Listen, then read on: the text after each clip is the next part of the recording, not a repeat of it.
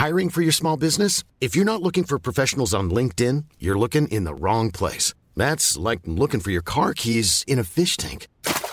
LinkedIn helps you hire professionals you can't find anywhere else, even those who aren't actively searching for a new job but might be open to the perfect role. In a given month, over 70% of LinkedIn users don't even visit other leading job sites. So start looking in the right place. With LinkedIn, you can hire professionals like a professional. Post your free job on linkedin.com slash people today. One size fits all seemed like a good idea for clothes. Nice dress. Uh, it's a it's a t-shirt. Until you tried it on.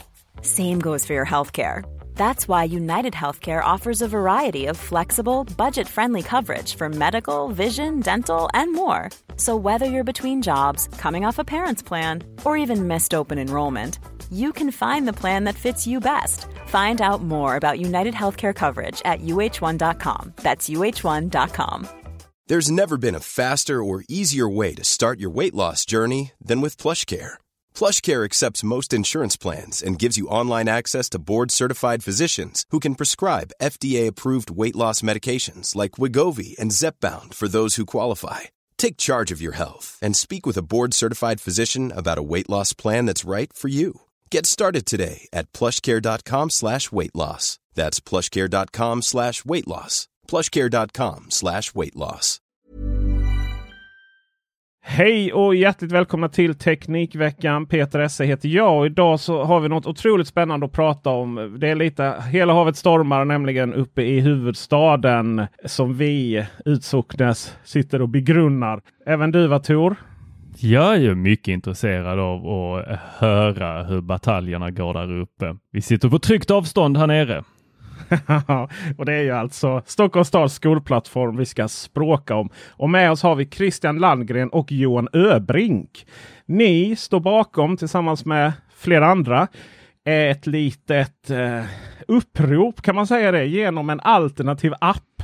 Och det har ju skapat debacle.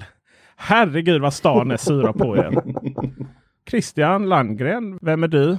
Jag är en entreprenör och eh, programmerare eh, som driver ett företag som heter iTeam och vi jobbar med digitaliseringsfrågor. Johan Öbrink. Jag är en sån här typisk liksom, programmerarstereotyp. Fick VIK 20 när jag var åtta och började programmera och så. Eh, men sen så har jag dessutom haft ett annat liv som, som politiker på 90-talet. Eh, så jag är liksom väldigt så här, föreningsaktiv och så. Och de senaste åren så har väl när jag blivit gammal gubbe så, så har de där två börjat kombineras och, och mer blivit intresserade av så här, hur kan man med programmering, utveckling och initiativförmåga faktiskt göra världen bättre. Stockholm har eh, tagit fram ett och annat globalt världsföretag i form av Spotify, Dice, Midas Player som, som annars heter King. En stad som har rätt mycket briljanta människor. Samtidigt då som Stockholms stad har tagit fram en skolplattform som alla dessa människor använder. Och alla dessa människor är så frustrerade. Ja men det är väl just det som är problemet, eller så här, som, som gör att, att det blir så, eh, så extremt. Liksom. Eh, jag menar, hade det varit någon annan målgrupp som hade fått använda ett dåligt system så kanske det kanske inte riktigt hade varit lika eh, så här, högljudda eh, klagomål. Men eftersom många av de, många av de som, eh, som har sina skolor i i skolan i Stockholm är programmerare. Det är vanligaste yrket i Stockholm eh, och är i liksom hög, hög, hög klass eh, internationellt så, så blir ju liksom avståndet så himla långt mellan vad man gör på jobbet och vad man använder för appar, vad man kan och man vet går att göra i förhållande till det som erbjuds då från staden. Men det som är typiskt för Christian är liksom att han han nöjer sig aldrig med det där utan plötsligt så var han så här. Ja, nu har jag börjat bygga en app istället. Jag satte mig och kollade på API här. Det verkar inte vara så svårt. Det här löser vi. Eh, och, och, och, då liksom tittar jag på det där och säger så här. Ja, ja det är klart. Det är klart det är så man ska göra. Okej, okay, jag är med. Så, att, så att det är liksom den här ganska banala insikten av att istället för att försöka hitta en lösning så bara lös skiten. Vi eh, ska ju gå in på det här hur, hur ni löste eh, den här emojin så att säga. Men eh, innan dess backar vi bandet. Eh, Tor Lindholm först och främst. Du har ju barn, ett i Lunds kommun. Mm -hmm. Eh, vad har ni för system där? Vi håller ju på med Unikum, tror jag det kallas. Och Skola 24. Det är ju eh, liksom det här som man då ska hoppa mellan. Och så får man mejl om att det finns uppdateringar där och jag har ju eh, uttryckt min frustration gång på gång i den här podden över de här systemen. Men alltid känt att jag inte ska klaga efter att jag har hört hur ni har det där uppe. Eh, eller att jag slipper se mitt barns personnummer på avvägar på internet. Ja, det är skola 24. Vi har också det här i Malmö. Jag har barn, jag se hur gammal är han nu? Mellanstadiet ja. Och eh, skola 24 och sen så skickas information ut via informator. Heter systemet. Och det, det tycker jag också är fantastiskt roligt. här. Hej, nu finns det information här. Klicka här för att komma in i informator. Samtidigt som det är lite så här. Någon skickar ut eh, Word-filer och någon skickar ut alltså så att säga skriver hela informationen i mejlet. Ibland är ju själva, själva mejlet om att det finns information i någon annanstans är ibland längre än själva informationen. Kan man ju tycka är roligt. Och eh, ibland skickas det ut liksom schema med pdf och så vidare. Kan man anta att det var det här som Stockholms stad ville lösa när man 2013 drog igång då det här projektet som skulle bli skolplattformen. Alltså skolplattformen är ingenting som man bara har skapat från noll. Utan det man sa var egentligen, och det är en dålig idé i grund, så här, att de hade en massa system som hanterade en massa saker. Scheman, information, bla bla bla bla bla sådär. Men om vi kan koppla ihop alla de här till ett gemensamt system där man kan komma åt all information på ett ställe. Absolut en, en lovvärd liksom, eh, lovvärt försök. Eh, och sen så begick man det ultimata misstaget och så sa man så här. Så nu bygger vi systemet med stort S den slutgiltiga lösningen på alla föräldrars problem. Ett gigantiskt initiativ där vi kan klippa ett stort band och säga nu har vi löst det. Och det går aldrig. Det går alltid, alltid, alltid fel när man försöker lösa saker i ett stort initiativ. Vi kommer ju från en tid där storskalighet var liksom svaret på, på, på, alla de här, på alla lösningar. Det vill säga man byggde fabriker och sen så köpte fabriker fabriker och sen så byggde man företag som hade större och större organisationer. Och ju fler och så fanns det stordriftfördelar. Det, var, det är ett väldigt effektivt sätt att lösa problem som är liksom, eh, relativt enkla. Alltså producera ett, ett, flygplan eller bilar och alla bilar ser exakt likadana ut. Då ska det vara stordrift. Men, men när alla skolor och alla klasser och alla elever har egna behov och skriver sina saker och gör på olika sätt och sådär. Och inom vården är det ännu värre. Där har man ju alla system och alla läkare och alla sjukdomar och alla eh, patienter som kräver eh, såklart att ha, få sin egen eh, individuella eh, vård.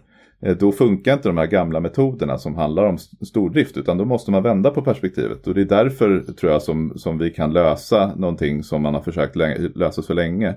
Eh, genom att vi, vi faktiskt började i väldigt litet use case. Vi tittar bara på föräldrar, vi tittar egentligen bara på en del av de funktionerna som finns för föräldrar. Så ni jobbade aldrig mot det här som vi hör många av eh, då regionerna önska att de ska liksom ha en, lite som du sa här Johan, eh, en slutgiltig lösning. Att det här är det som man kommer bli ihågkommen för.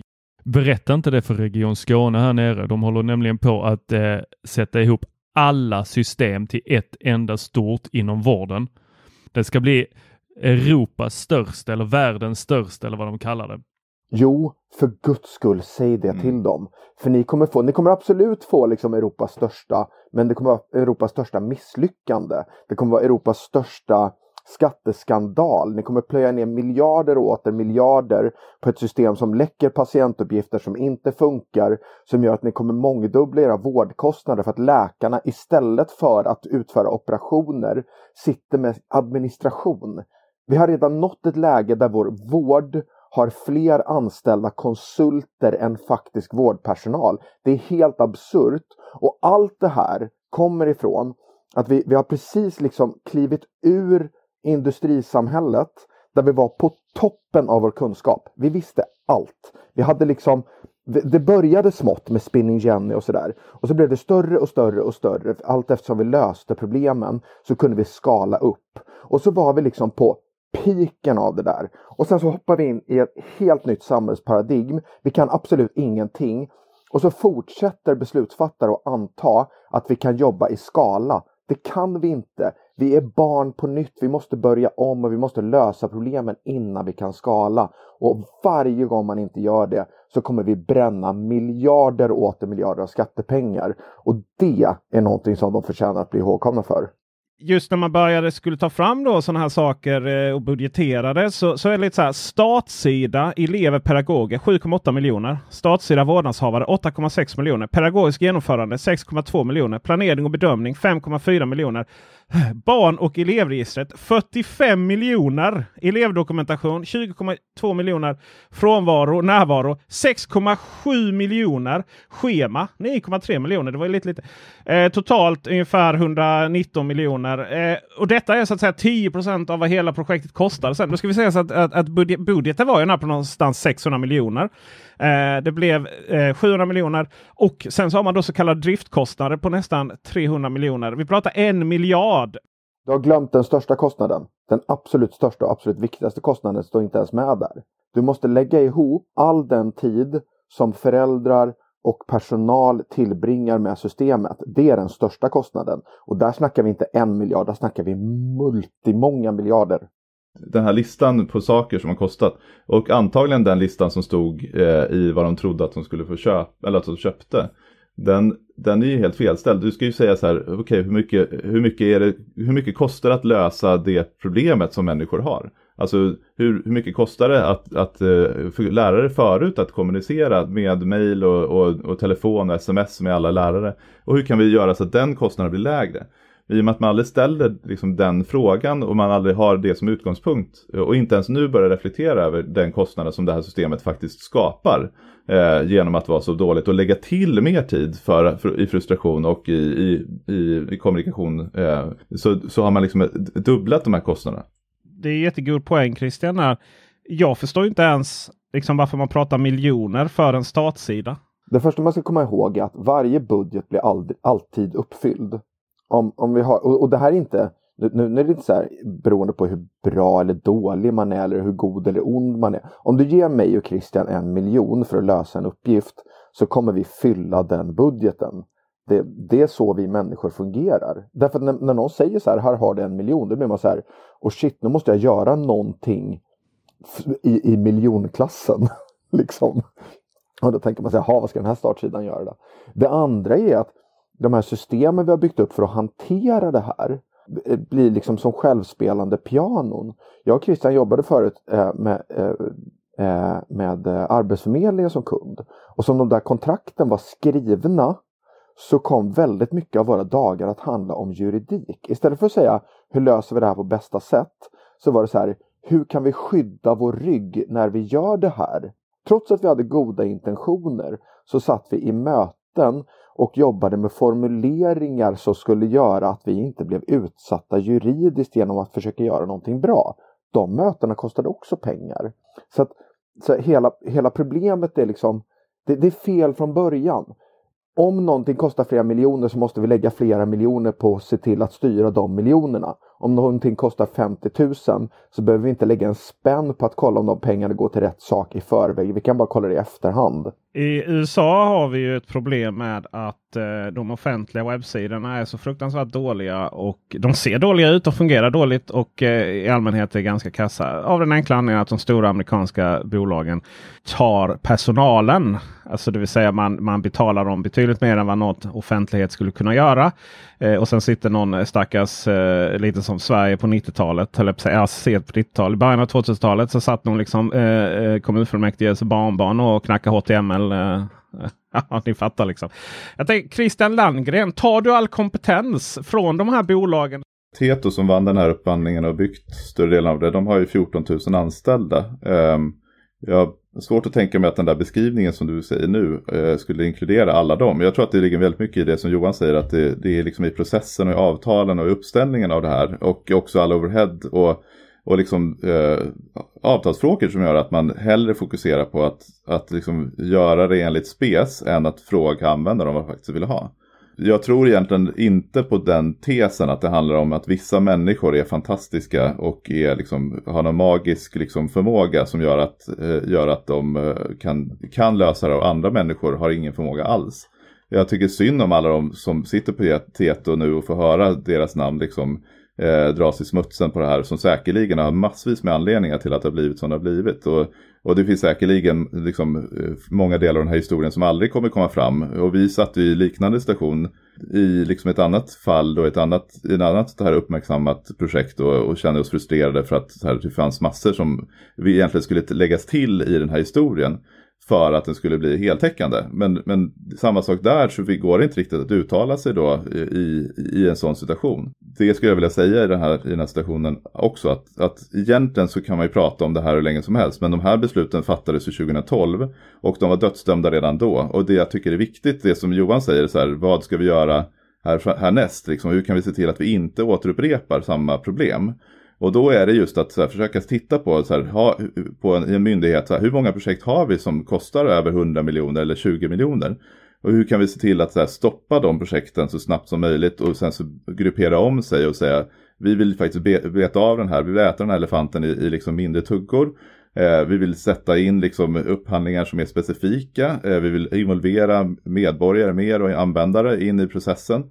Eh, och sen så det som jag tänker att vi kommer till också i längre diskussioner. Hur kan vi liksom dela upp arbetet i liksom, så att vi hanterar på myndigheterna en del och sen kan marknaden hantera en annan del så att vi, liksom, så att vi får en större demokratisk process. För att det är inte demokratiskt egentligen att ha så mycket källkod som är producerat. Så jag räknar ut att eh, skolplattformen, eh, den kostnaden om man ska hårdra det, så har de spenderat motsvarande, inte ett halvt sekel, utan ett halvt millennia av tid. Eh, 520 år om man nu skulle ta de här, de här, liksom, de här siffrorna eh, och har vab och eh, 40 timmars veckor så skulle det ta en konsult eh, ett halvt eh, millennium att, att spendera så mycket tid som de har gjort. Och, och, det är inte rimligt så att, så att hur kan vi liksom titta framåt, hur kan vi skapa liksom förutsättningar för, för eh, de nya projekten som, som kommer framöver.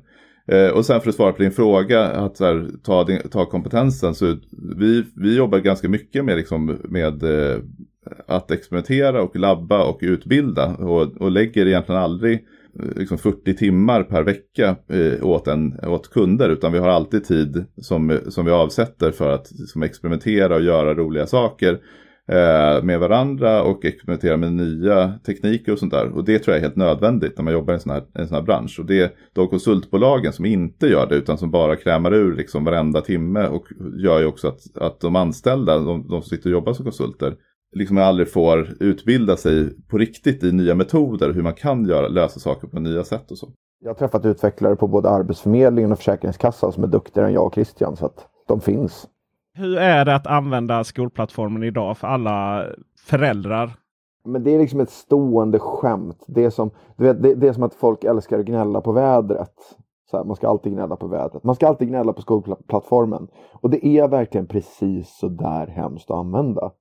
Eh, det är så man försöker logga in, man får tekniskt fel, den visar inte upp några grejer, den kraschar, man ramlar ur, man hittar inte saker. Alltså, det har skrivits poesi om hur svårt det är att hitta grejer. Är det en app eller är det en hemsida som du loggar in på? Sk skolplattformen i grunden, det är då som sagt man kopplat ihop alla de här systemen. Och sen så har man byggt då ett antal sajter där man kan komma åt informationen. Eh, och sen så har de byggt en app som egentligen wrappar skapar bara sajten i mobilläge där man kan inom citattecken komma åt informationen. För det kan man inte. Och det, är liksom, det bara funkar aldrig och, och man hittar ingenting. Och då ska vi säga, det här är ändå bara från föräldraperspektiv. Från lärarperspektiv blir det etter värre.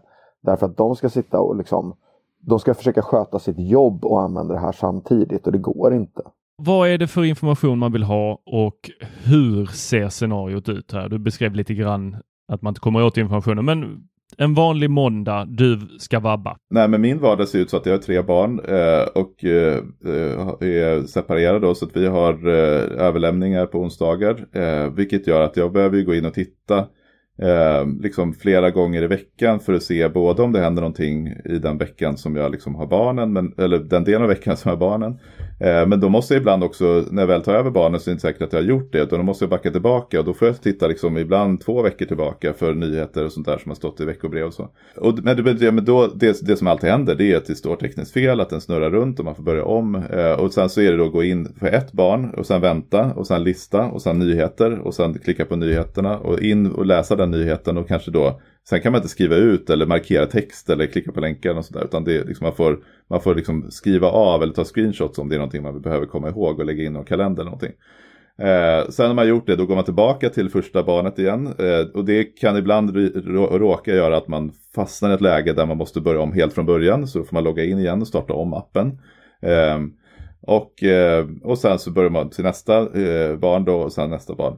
Och sen finns det så här att, ja men det här finns ett form, så står det så här, vi, ni ska fylla i det här anmälan eh, på, en, på i, och det, länk finns i skolplattformen, står det då, ungefär som att de, man inte läser det här i skolplattformen.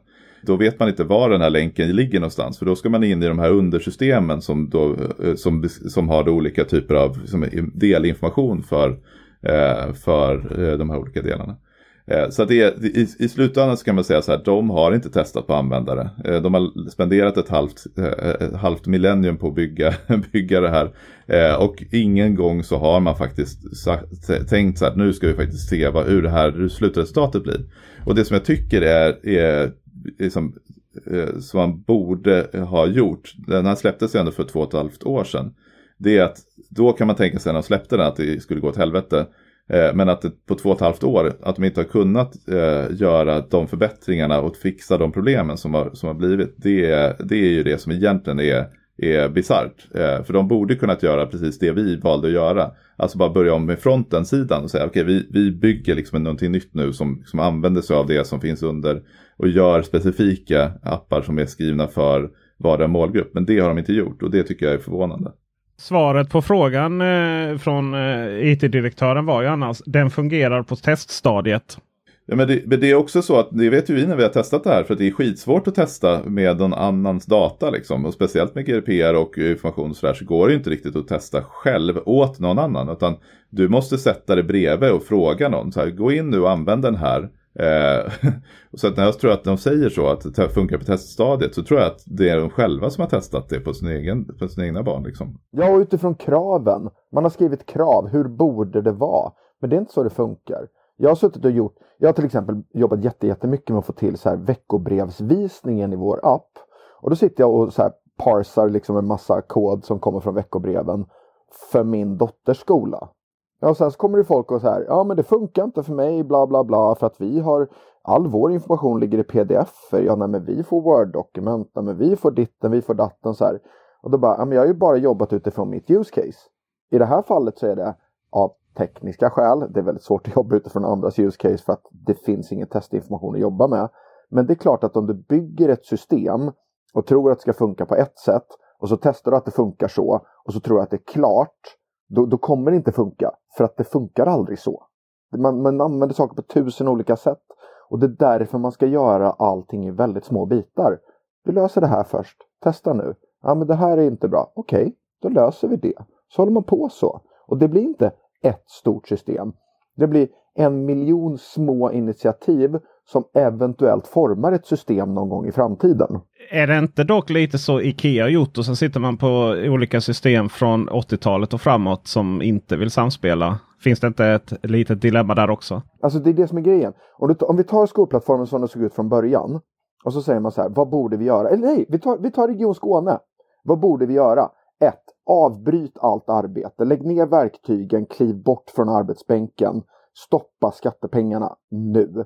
Två, titta på så här, vad är det första problemet vi vill lösa? Jo, vi vill att man ska kunna eh, säger, dela patientjournaler för att du ska kunna åka från sjukhus till sjukhus eller du ska kunna bryta foten i Örebro också. Ja, okej, okay. då löser vi det problemet. Hur gör vi så att vårt gamla, gamla skitsystem kan dela eh, eh, journaler med Örebros gamla skitsystem? För vi behöver faktiskt inte byta ut dem för det. Jo, då lägger vi, och nu kommer vi till det här eh, begreppet, vi lägger ett API framför. Ett Application Programming Interface. Ett standardiserat språk för hur systemen pratar med varandra. Systemet som ligger under behöver inte fixas till och lösas. Vi behöver bara skapa liksom den här lilla bryggan som säger nu pratar vi på ett standardiserat sätt med varann. Byta ut systemen, det kan vi göra någon annan dag. Och det är så man löser problemen. Ett litet specifikt problem i taget För då råkar man inte bygga ut efter krav utan då bygger man utifrån behov. Sen kan man fortfarande ha liksom visionen om att det här ska bli ett system framöver. Det ska bli en standard och Ja. sådär. Det kan man fortfarande ha, men så fort man börjar säga så här, nu har vi spikat den här standarden, nu ska alla system använda samma standard samtidigt. Då måste man, för att ta det beslutet, först ha tittat på alla specialfall och fått med alla, alla och utrett varenda skolas behov. Och det är där det blir problem. Börja med två skolor eller två sjukhus eller två individer, två företag. Börja där och sen så när det kommer till tredje företaget eller sjukhuset, då tittar du på vad är skillnaden mellan de här två? Ungefär som vi gjorde med nyhetsbreven. Vi testar på oss själva först och sen får vi reda på, aha, det här funkar inte för de här, de här personernas eh, veckobrev. Bra, då tittar vi på det och så ser vi vad är gemensamt och vad borde vi justera och så justerar man om det. För vår vision är ju fortfarande att kunna eh, bygga det här så att det funkar framöver till och med för andra, alltså andra skolsystem. Att det inte bara är Stockholms stad utan det kanske funkar mot Skolsoft eller, eller eh, V-klass eller eh, Unicum eller de andra. Eh, för att, men det kan ju inte vi börja med utan vi måste börja med att få det att funka för en skola eller en plattform. Sen kan man titta på nästa, hur skiljer det här sig och borde det innebära att implementationen i den första också kanske borde justeras lite grann, då gör man ju det. Eh, så att det är genom att forma de här tekniska lösningarna utifrån ett problem i taget som man faktiskt eh, kan komma mycket snabbare framåt. Så varför kommer det inte fungera att bara krossa alla fönster, bränna alla hus och eh, bygga nytt? A lot can happen in three years, like a chatbot may be your new best friend. But what won't change? Needing health insurance. United Healthcare Tri Term Medical Plans, underwritten by Golden Rule Insurance Company, offer flexible, budget friendly coverage that lasts nearly three years in some states. Learn more at uh1.com. If you thought the only way to get a more defined jawline with natural looking results was through surgery, think again. Juvederm Volux XC is a non surgical injectable gel filler that improves moderate to severe loss of jawline definition and can help you achieve natural looking results with little downtime. Even better, this improved definition lasts up to one year with optimal treatment. No maintenance required. Improve jawline definition for a smooth, sculpted look with Juvederm Volux XC. For important safety information and to find a licensed specialist, visit juvederm.com. That's J U V E D E R M.com. Not for people with severe allergic reactions, allergies to lidocaine, or the proteins used in Juvederm. Common side effects include injection site redness, swelling, pain, tenderness, firmness, lumps, bumps, bruising, discoloration, or itching. There's a risk of unintentional injection into a blood vessel, which can cause vision abnormalities, blindness, stroke, temporary scabs, or scarring. Talk to a licensed specialist to find out if it's right for you. I'm Sandra, and I'm just the professional your small business was looking for. But you didn't hire me because you didn't use LinkedIn jobs. LinkedIn has professionals you can't find anywhere else, including those who aren't actively looking for a new job but might be open to the perfect role, like me. In a given month, over 70% of LinkedIn users don't visit other leading job sites. So if you're not looking on LinkedIn, you'll miss out on great candidates like Sandra. Start hiring professionals like a professional. Post your free job on linkedin.com/people slash people today. Wow. Nice. Yeah. What you're hearing are the sounds of people everywhere putting on Bombas socks, underwear, and t-shirts made from absurdly soft materials that feel like plush clouds. Yeah, that plush. And the best part? For every item you purchase, Bombas donates another to someone facing homelessness. Bombas. Big comfort for everyone. Go to bombas.com slash ACAST and use code ACAST for 20% off your first purchase. That's bombas.com slash ACAST. Code ACAST. Ryan Reynolds here from Mint Mobile. With the price of just about everything going up during inflation, we thought we'd bring our prices down. So to help us, we brought in a reverse auctioneer, which is apparently a thing.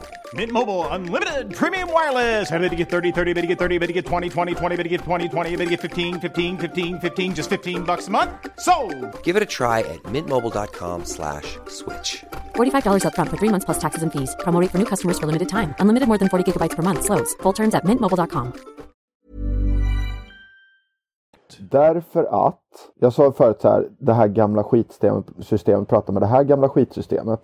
Eh, det man ska komma ihåg då, det är att anledningen till att de här gamla skitsystem är inte för att de är byggda av, av skitpersoner eller utifrån skitstyrning, utan därför att saker blir skitiga med tiden.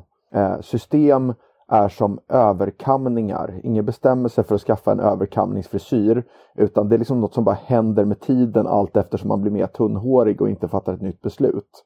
Eh, och, och, och så funkar det med system. Det är oerhört arbetsamt att se till att ett system inte blir fullt av gegg med tiden. Eh, så att om du börjar om och så säger du så här, ah, nu ska vi göra det här på nytt. Vi bränner allting och börjar om. Ja, fast då måste du plötsligt, då, då ska du för det första nå alla de där funktionerna som just nu krävs och du ska nå dem på ganska kort tid och du hinner inte lära någonting längs vägen och det enda du kommer göra då är att du kommer bränna ytterligare miljarder på att begå exakt samma misstag. Sånt här är svårt. Det är därför man tar en liten grej i taget. Därför att vi har inte den mentala kapaciteten att lösa stora problem. Vi måste bryta ner dem i tusen små problem. Och det är ju också eh, många människor som är inblandade också. Och det är överlämningar som kan bli bristande och så. Ja. Får komma då till kärnan här. Vad är det ni har tagit fram? Det är en app som precis släpptes på App Store och Google Play Store. Ja, men det, det lägger så egentligen, det, det är en app som eh, är gjord för, för vårdnadshavare i Stockholm. Eh, där de kan se samma information som finns i eh, skolplattformen. Eh, den, den, den äldre. Um, och, eh, men på ett, på ett snabbare och enklare sätt helt enkelt. Alltså informationen kommer ju från skolplattformen. Vi har ju inte byggt om det. Så det är egentligen bara ett, ett nytt gränssnitt kan man säga ovanpå, eh, ovanpå den skolplattformen som redan finns. Och det, det, vi har gjort då är att vi har tittat på den informationen som skickas fram och tillbaka mellan liksom webbläsare och, eh, och deras, deras API. För de har ett API. Eh, och, eh, och sen så byggt egentligen eget gränssnitt som, ligger, som använder samma information och samma anrop egentligen. Och, eh, och sen har vi också sett till att, att uh, göra det på ett säkert sätt så att det inte finns någon liksom, risk att informationen kommer på avvägar någon annanstans. Utan den telefonen som du har i din telefon, eller, eller den appen som ligger i din telefon, den skickar informationen direkt till det system. Så den rör inte våra, våra eller vi har, vi har inte ens några server. Uh, eh, så att det, den informationen skickas mellan, mellan dig och skolan egentligen. Och sen så har vi sett till att göra sådana ganska smarta, bra, enkla val. Att så här, du kommer antagligen inte ha fler barn idag jämfört med vad du hade igår. Så att vi kan lika gärna utgå från att du har liksom, eh, samma barn som du hade igår. Eh, vilket gör att då kan vi snabbare liksom visa informationen. Eh, så att det första vi frågar är liksom, vad finns det för nyheter? För det är antagligen därför du går in. Och det gör att vi kan här, visa den information som var igår, uppdatera nyheterna och då får du se det som du egentligen vill ha. Sen under tiden i bakgrunden så uppdaterar vi allting annat som liksom klasser och eh, om du har fått fler barn så det kan ju vara så någon bland att, att du faktiskt har fått en ny, ett nytt barn i din skola och då vill du ju såklart se det. Eh, då lägger vi till det så då kommer den informationen fram. Till skillnad då från hur skolans plattform byggs där, där liksom all information måste först hämtas eh, och helt frä, fräsch då och sen visar du den först när allting är hämtat. Då. Hur har eh, föräldrarna bemött er app? Jag kollade lite snabbt recensionen. Ni har 4,5 va? Eh, skolplattformens egna app har 1,1 i betyg. Folk är jätteglada för att de äntligen hittar saker och för att det går att logga in och det funkar. Och, och, precis som Christian sa så är det enda vi egentligen har byggt är ju gränssnitt. Men vi har byggt gränssnittet utifrån hur vi vill att det ska användas själva. Och, och vi är så att säga, vi har ju perfekt kunskap om vårt use case.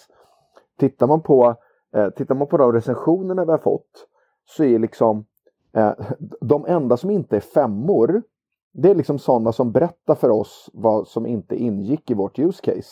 Så här, ja men det här funkar inte, det här funkar inte. Men gud vad bra, då kan vi lösa det. 4,5 stjärnor i App Store. Det låter ju lysande. Hur många stjärnor fick ni av Stockholms stad? Får, får jag bara kort för, försvara Stockholms stads svar? Därför att det, det, första de sa, det var så här, så här, det här kanske är olagligt, det är fel. Men, men sen sa de så här, det här kan vara en säkerhetsrisk. Och det är faktiskt helt korrekt. Grejen är så här, om, om, vi, nu, om vi nu låtsas om att ni inte vet vilka vi är. Så här, någon har byggt en app så, och appen säger så här, logga in med ditt bank-id och låt mig se all din information. Vad är det som säger att den appen inte pumpar över det någonstans? Alltså, det är, ja, detta är en säkerhetsrisk. Jag och Christian har ju brottats jättemycket med det här. Så här, hur ska vi kunna hur ska vi kunna visa för folk att det inte är det vi gör? Att vi faktiskt bara visar information för föräldrar, att vi inte använder det till någonting annat. Så det första vi sa det var ju så här, okej okay, vi måste ha all kod open source så att alla kan granska. För så här borde det inte göras egentligen. Eh, det, det där, vi kommer komma in på det sen, men det är därför man behöver ha öppna API för att reglera hur sånt här sker. Så nu har vi verkligen försökt att lösa det så gott vi kan genom transparens. Så den delen av svaret är korrekt. i övrigt är jag inte så imponerad. För jag hade, alltså jag, jag behöver inte en parad. Så här, det är inte det jag är ute efter. Jag vill bara göra någonting bra. Men det hade varit jätteskönt om, om någon politiker hade hört av sig och sagt ah, kan ni berätta lite mer om hur ni har tänkt? Vi vill lära oss mer. Vänta, förlåt. Claes Nyberg, Centern, har hört av sig och bett oss berätta mer. Jag vill bara get that out there. En politiker har gjort det. Det man ska också lägga till där det är att det här är ju liksom nya, ny mark vi också vi vandrar på kan man säga. Den här typen av appar som, som löser liksom eh, problem som som egentligen är liksom myndigheternas eh, ansvar och sådär. Det är ju någonting som, som finns väl några sådana exempel. SL är ett bra exempel där liksom SL gjorde istället för en egen app så släppte de ett API. Det här var ju tio år sedan eller ännu mer än så. Eh, och så var det någon, någon privatperson som gjorde liksom den appen som sen alla stockholmare har använt sedan dess egentligen. Ända tills för typ tre år sedan när SL kände sig modiga nog att göra en egen app. Eh, det tycker jag ju, det är så det egentligen borde gå till tycker jag. När man, när man, eh, när man ska göra den här typen av liksom, digitalisering. Så att myndigheterna eh, kan bestämma sig för att vi är inte liksom bäst på det här. Låt oss göra det som vi kan göra, det som vi förväntas göra. Det vill säga ha koll på informationen och säkerheten och skapa en förutsättning för marknaden att kunna agera. Eh, men så har man inte riktigt gjort och det har inte varit tradition utan myndigheterna gör ju allt, liksom, både de bakomliggande systemen och apparna och liksom hela vägen. Och det, i och med att det liksom in, vi har inte ett sånt klimat i Sverige än, Eh, där marknaden är inne och liksom gör den här typen av, av eh, tillägg till myndigheterna. Så, så kan man förstå att de är, så här, de är lite konfunderade, så här, hur ska vi, vad ska vi göra? Och vad de än säger så, så, här, så kanske de måste fundera på vad de ska uttrycka sig. Och det är väl snarare det jag tycker att de var väldigt snabba med att eh, uttrycka sig och säga att det här var olagligt och att det här var Eh, ja, men så här, jag tycker det har varit lite onödig konf konfrontation egentligen i, i, ett sånt tidigt läge. Och, och, som, och, och, säga att det här kom från privatpersoner. Trots att de i Stockholms stad har sin eh, digitaliseringsstrategi så står det också att de ska samverka. De vill öppna upp och de vill bygga system och plattformar. Samtidigt som deras tjänstemän och, eller, och liksom ansvariga också säger att det här är från privatpersoner och att det därmed skulle vara förkastligt. Liksom. Och låt oss inte glömma att du började Christian med att skicka ett mail till dem och säga hej, jag vill ta del av den offentliga handlingen som är API-specen eftersom vi vill använda den. Så, så det var inte så att vi gjorde det i lönndom. Men det är därför vi har eh, lagstiftning eh, för att reglera det här och lagstiftningen ligger faktiskt inte till, eh, till stadens fördel i det här för att vi har ett PCI-direktiv som beskriver att myndigheter som lämnar ifrån sig information och handlingar måste egentligen i, i förväg specificera om det, finns, om det finns anledning att inte få vidareförädla den här informationen. Och, och default ska vara att all information som man, som man ger ifrån sig ska kunna göras på ett sätt eh, så att det går att vidareutnyttja på an, till andra tillämpningar än vad som, som staden hade tänkt eller, eller myndigheten hade tänkt, tänkt sig från början. Då. Eh, och där kommer också ny lagstiftning som ytterligare kommer gå i den riktningen eh, som, som nu är på utredning. Eh, som handlar om innovation med information heter den. Som handlar om egentligen uppdatering av PSI-direktivet. Jag tycker de borde kontakta Per Thelin som är på SL, en gammal kollega till mig från tusen år tillbaka. Som är sektionschef och, och ansvarig för utvecklingen där. De är asbra. Alltså SLs utveckling idag gör allting rätt. De berättar vad de vill lösa, de tar små problem, de löser dem ett och ett det, det bara rullar ut ny funktionalitet hela tiden nu och de håller sitt API öppet. Så att om det är någon som vill veta hur man ska tänka så kontakta SL. Vi har hört lite olika förkortningar här. API, stängt API, öppet API. Vi har också hört PSI. Kan vi, kan vi få en liten snabbis här om, om vad är egentligen ett API? Ett API är egentligen bara en, en parlör. Så här, du har ett system som gör saker. Eh, det är ett system som hanterar scheman säger vi. Eller nej, vi säger patientjournaler för att det var, det var uppe förut. vi har ett system som hanterar patientjournaler i Skåne och så har vi ett som hanterar patientjournaler i Närke och så inser vi att folk faktiskt reser i landet och bryter foten på olika ställen och nu plötsligt så vill vi dela patientjournaler med varandra. Ja, okej. Okay. Hur kan de här systemen då prata med varandra så vi kan skicka en patientjournal utan att behöva skriva ut den och skicka den i posten eller faxa den? Jo, då får vi säga så här, ja men systemen är kanske, de är antagligen ganska komplicerade, det finns massa knasiga detaljer och sådär. Så då tar vi ett steg tillbaka och så kisar vi lite grann och så säger vi vad är en patientjournal? Ja men det är liksom ett, ett namn och ett personnummer och sen så är det en lista med ärenden. Okej, okay. vad är ett ärende då? Ja, men det är vårdcentral och en orsak och åtgärder. Okej, vad är en åtgärd? Det är en bla bla. Så håller man på sådär. Och så tar man liksom fram ett, ett språk för hur man beskriver vad en patientjournal är. Och så säger man så här. Det här är vad en patientjournal är när en dator tittar på den. Och så säger man för att hämta en patientjournal från systemet då anropar du den här adressen så kommer du få den. Och så kommer du ha så autentisering och sånt där har du rätt att se den och bla bla bla. Men vi lägger det åt sidan så länge. Så, så här gör du för att anropa, så här ser journalen ut. Bra! Nu behöver vi inte bry oss om längre att systemet i, i, i Skåne och systemen i Närke eh, är helt olika på insidan. För nu vet vi vad deras gemensamma språk, vad deras esperanto är om man så vill. Och sen kan man därifrån översätta till systemets eget språk. Så nu kan de prata med varandra. Den här översättningen, det är ett API. Att skapa ett språk för att prata med data. Så det är nummer ett. Du får ta PCI sen Christian. Nummer två, öppet API. Det betyder inte att det är öppet, eh, lustigt nog. Utan det betyder att man har förstått att det är öppet. Därför att alla API är öppna. De använder internet så att det går att komma åt dem. Öppet API betyder att man säger vi förstår att det här API är öppet och att vi därför måste ha någon form av regelverk kring hur man använder det här så att det inte blir vilda västern av alltihopa. Så då säger man så här, för att du ska använda vårt API då behöver du en nyckel för det. För att du ska få en nyckel så måste du skriva på lite regler. Lite så här, du vet, du måste ha skjorta och slips för att komma in på restaurangen. Så här, du måste följa följande regler. Du måste berätta för oss hur du hanterar datan. Du måste bocka i att, och bli liksom juridiskt ansvarig för hur du hanterar persondata. Bla, bla, bla, bla, bla. Och om du inte sköter det så drar vi in din nyckel och då får du inte vara med och leka längre.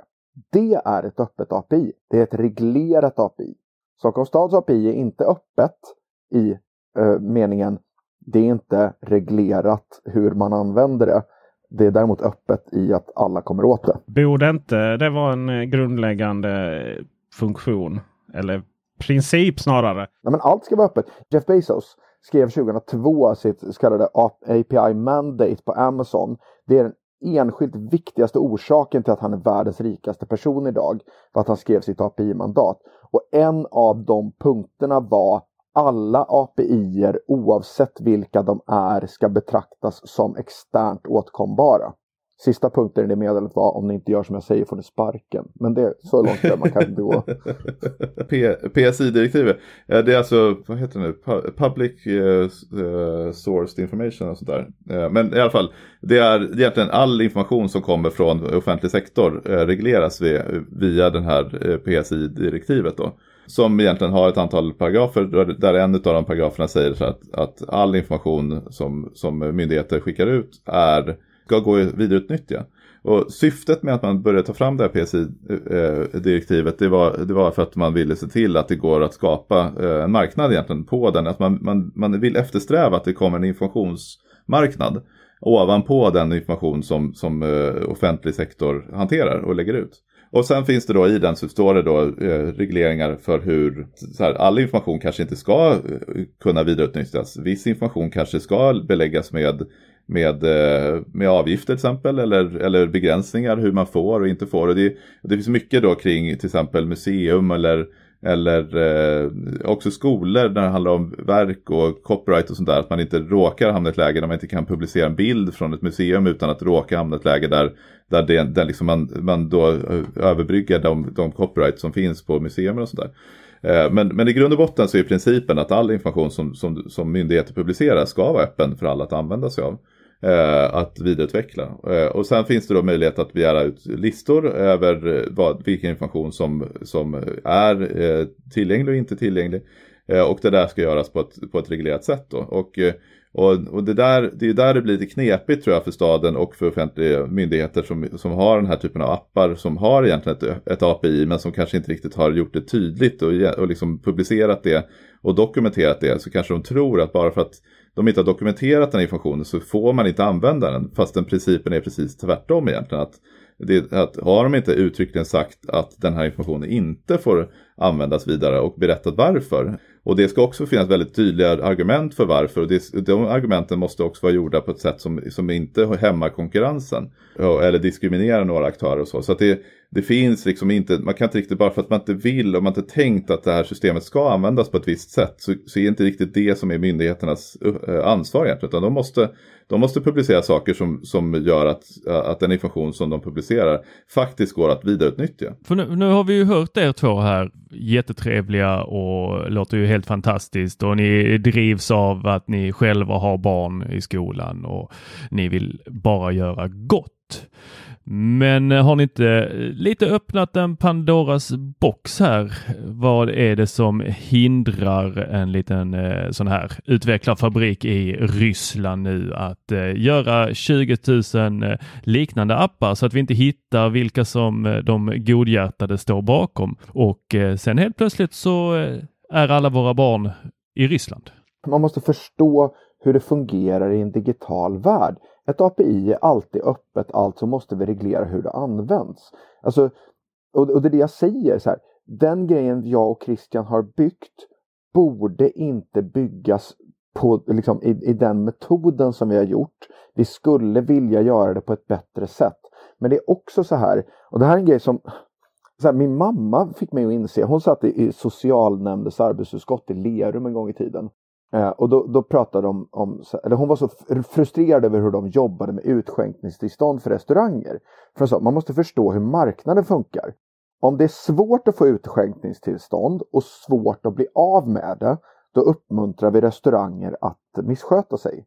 Om det är lätt att få utskänkningstillstånd och lätt att bli av med det, då uppmuntrar vi dem att sköta sig. Därför att så här, ja men aha, du har restaurang, ja det är klart få utskänkningstillstånd, go nuts. Och sen bara, du skötte det inte, vi drog in det.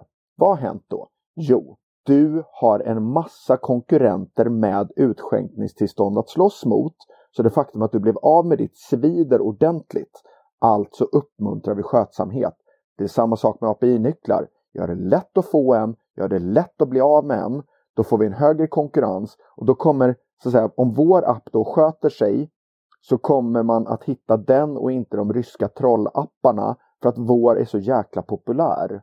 Det, det, det, är så man jobbar med den här typen av, av säkerhet. Och sen har vi juridiken ovanpå det. Givetvis är om någon utnyttjar informationen, skickar den vidare, bla bla bla. Take them to court. Absolut. Men, men det är inte det som kommer vara det som hjälper mest. Det som är ganska graverande i den här diskussionen är ju det faktumet att de enda som har haft problem med läckta personuppgifter eller så allvarliga säkerhetshål.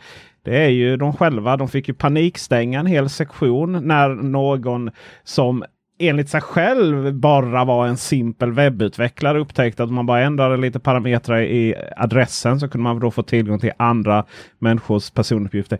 Inklusive de som hade skyddad identitet. Och det är precis det här som är grejen. Hade man tagit det här beslutet tidigt och det, egentligen så kan man säga så här, tittar man på upphandlingsunderlaget så är det faktiskt så de har tänkt sig när de har upphandlat det. De har tänkt sig att de ska bygga liksom ett informationslager. Det ska tas fram en sån här SDK som är så, dokumentation för utvecklare att använda det här. Sen så tror jag att under tidens gång så har de blivit stressade och det blivit för svårt det här projektet att hantera. Så de har liksom inte, de har inte lyckats genomföra det. Det brukar, brukar funka så, att man blir stressad och slut får man ut det. Och då får de konsekvenserna av det och det är därför som man har ett stort förtroendekapital. Men jag skulle rekommendera att man, eh, att man tar vårt namn eh, på allvar då, öppna skolplattformen, men också med ett utropstecken på slutet. Att, att det är som en uppmaning till, till både skolplattformen men också alla andra myndigheter att så här, det här går att göra och den här Pandoras box som du pratar om, den är liksom öppnad. Och, och grejen är att vi vet ju inte hur många ryska fabriker som sitter och läser av information från system där ingen då simpel webbutvecklare faktiskt har tagit sitt ansvar, eh, civilansvar. För det är verkligen ett, ett, ett, en jättebra insats som, som Måns gjorde där. Att verkligen testa det här. Och eh, för att det är just så att de här problemen som finns i de här, de här, så här stängda då, om man säger, för de är inte stängda, men, men de som, man, som kanske myndigheter ser som stängda de, de finns ju där hela tiden och man kan ju tänka sig att de, eh, det finns vissa krafter som kanske direkt upptäcker det här, de här läckorna och inte sitter och berättar, berättar för varken media eller, eller några myndigheter om de problemen såklart. Eh, så det här är ett potentiellt stort säkerhetsproblem och det enda sättet att komma runt det, det är faktiskt att börja öppna upp och sen så som Johan säger, se till att man kan stänga av då vissa användare som använder systemet på fel sätt helt enkelt. Eh, och, och egentligen så konsekvensen av det här är att Eh, man behöver lägga mer pengar på det. Eh, att liksom bygga säkra system och hantera information. Eh, men det är precis det som jag tror också ett samhälle behöver. Samhället, man vill inte ha ett samhälle där, där staten ska sitta och liksom ha alla eh, hantera alla pizzerior. Liksom. Eh, man vill ha att staten och staden ska kunna hantera liksom, byggnaden och kanske liksom, regleringarna runt det och sätta gränser för var den här pizzerian har sin butik någonstans. Men, men, men, men man vill ju ändå att, att det ska vara liksom, en pizzeria som kan, som kan drivas som en enskild företagare. där. Eh, samma sak här, att vi vill att staten och, och, och, myndigheterna ska hantera informationen och infrastrukturen. Men sen så vill, vi, vill man gärna att liksom där ovanför så sker en konkurrens så som lagen ser ut och så som verkligheten ser ut så tror jag att vi kommer behöva skynda på en sån övergång till ett sånt, ett sånt typ av digitalt samhälle också. Om ni skulle ha tagit betalt för de timmar ni har jobbat, hur mycket skulle ni säga att ni har lagt ner? Det är inte bara Johan och jag och Erik och Rickard som har byggt det utan det är det är ju massvis med människor som har lagt tid på det här och eh, gjort illustrationer och skrivit texter och eh, testat och, och funderat och diskuterat och sådär. Extra shoutout ska vi säga Karin Nygård illustrationer, Elin Aldén PR och så tusen människor som har Ja, Per Strömberg och Fredrik Wass och, och Nils Parup eh, Petersson på Centern och sådär. Så att det, nej, men det är verkligen jättemånga som har gett till och, och så att ska man, ska man summera all den tiden som har gått så är det en del. Men, men, men det, det, det, det kanske, det kanske hamnar, eh, hamnar på en kostnad på eh, 400 000 kanske eller något sånt där. Eh, om jag ska ja. bara här, slå, slå, till en siffra. Eh, ja, men så att det är ju vad som skulle kunna vara rimligt att komma ungefär så här långt med en, med en app liksom om man skulle bygga den från liksom om jag, jag på mitt bolag skulle göra den här typen av app, då skulle det ungefär hamna där. Och, och det är inte det är där det borde hamna när man, när man pratar om de här frågorna. Så handlar det inte om så här, du ska, nu, nu ska liksom staten och staden lägga liksom ytterligare en miljard på någonting annat. Utan tvärtom, man ska så här, ta bort alla kostnader som man har nu för att man sitter och bygga alla de här apparna som är skitdyra och dåliga. Eh, och sen så ska man koncentrera de resurserna på att bygga API som är svinbra och liksom eh, riktigt, riktigt säkra. Och sen så ska man sitta, då om man får pengar över när man tar det så kan man ju försöka se så här, hur kan vi se till att använda de här pengarna för att få igång en marknad? Eh, så, att, så att vi blir vana vid det här sättet att göra det på. Eh, för det, det, kan också vara, finnas, i det här fallet så finns det ett jättestort allmänintresse och många som är intresserade och folk som till och med stödköper appen trots att de inte har egna barn eller ens bor i Stockholm. Men medan kanske om det handlar om en app för att hantera liksom, eh, ja, men, uh, urinvägsinfektioner eller, eller uh, liksom, hjälpa barn som har, som har diabetes eller någonting så kanske uh, finns det olika betalningsviljor. Så att det där kanske man behöver hitta precis som det finns reumatiska saxar som säljs på en marknad och sen så får man liksom någon sorts... Alltså liksom... saxar för reumatiker, inte saxar ja, med reumatism. Tack. Eh, nej men sådär, så att det här, det här behöver ju komma massvis med incitament och strukturer och liksom sätt att liksom motivera vissa apputvecklare att göra appar för viss, viss typ av informationsstrukturer. Nej, men, och det som är skitviktigt tycker jag när man pratar om budgeten där, det, jag, jag, skrev en liten reflektion på Facebook om det. Där jag sa att här, vi, vi byggde 90% av appen under mellandagarna. Eh, de resterande 90 procenten byggde vi eh, liksom de, de, senaste veckorna. Så nu har vi bara 90% kvar. Och det är lite sådär det funkar. Eh, att, så här, ja, men, Säg att vi har lagt motsvarande 400 000 nu. Och så här, är det klart då? Nej. Det betyder att vi är kanske en tiondel av vägen. Det är nu resan börjar för det är nu vi får in liksom, användarnas feedback. Men det är ett annorlunda sätt att budgetera. För vi säger så här, det är bättre att lägga 400 000 och sen ta beslut om 400 000 till och så fortsätter man ticka 400 000 gång på gång på gång än att sätta allting i en klump och en enda stor lösning. Därför att om vår app hade varit ett fiasko nu, ja, då hade vi inte sumpat mer än 400 000 spänn och så går det att lägga ner den. Då är det bara att ändra sig. Små beslut många gånger. Och med det så tackar vi för att ni lyssnade. Ni hittar oss på alla poddspelare som finns. Ni hittar appen som sagt i App Store och Play Store. Tack för att ni lyssnade. Ha det bra. Hej! Hej. Imagine the softest sheets you've ever felt. Now imagine them getting even softer over time. That's what you'll feel with Bowl and Branch's organic cotton sheets. In a recent customer survey, 96% replied that Bowl and Branch sheets get softer with every wash. Start getting your best night's sleep in these sheets that get softer and softer for years to come. Try their sheets with a 30-night guarantee. Plus, get 15% off your first order at bowlandbranch.com. Code BUTTERY. Exclusions apply. See site for details. Even when we're on a budget, we still deserve nice things. Quince is a place to scoop up stunning high-end goods for 50 to 80% less than similar brands. They have buttery soft cashmere sweaters starting at $50, luxurious Italian leather bags, and so much more. Plus, Quince only works with factories that use safe, ethical, and responsible manufacturing.